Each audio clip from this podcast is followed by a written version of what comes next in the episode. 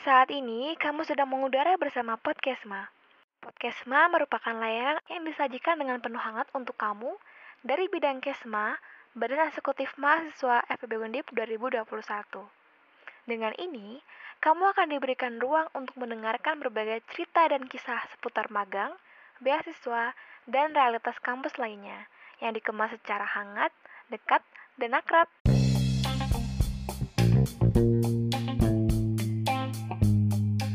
Nah, pas dulu aku daftar di KSE juga aku belum punya prestasi apa-apa gitu loh. Misal menang lomba ataupun apa itu enggak nggak punya gitu.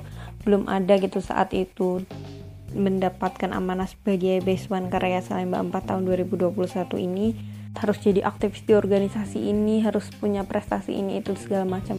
Apa yang akan kalian lakukan selama kalian kuliah dan apa yang akan kalian lakukan atau rencana jangka panjang Anda uh, setelah lulus kuliah. Wawancara itu menurutku adalah titik terbesar penentuan uh, teman-teman lol dinyatakan lolos atau tidaknya sebagai best one.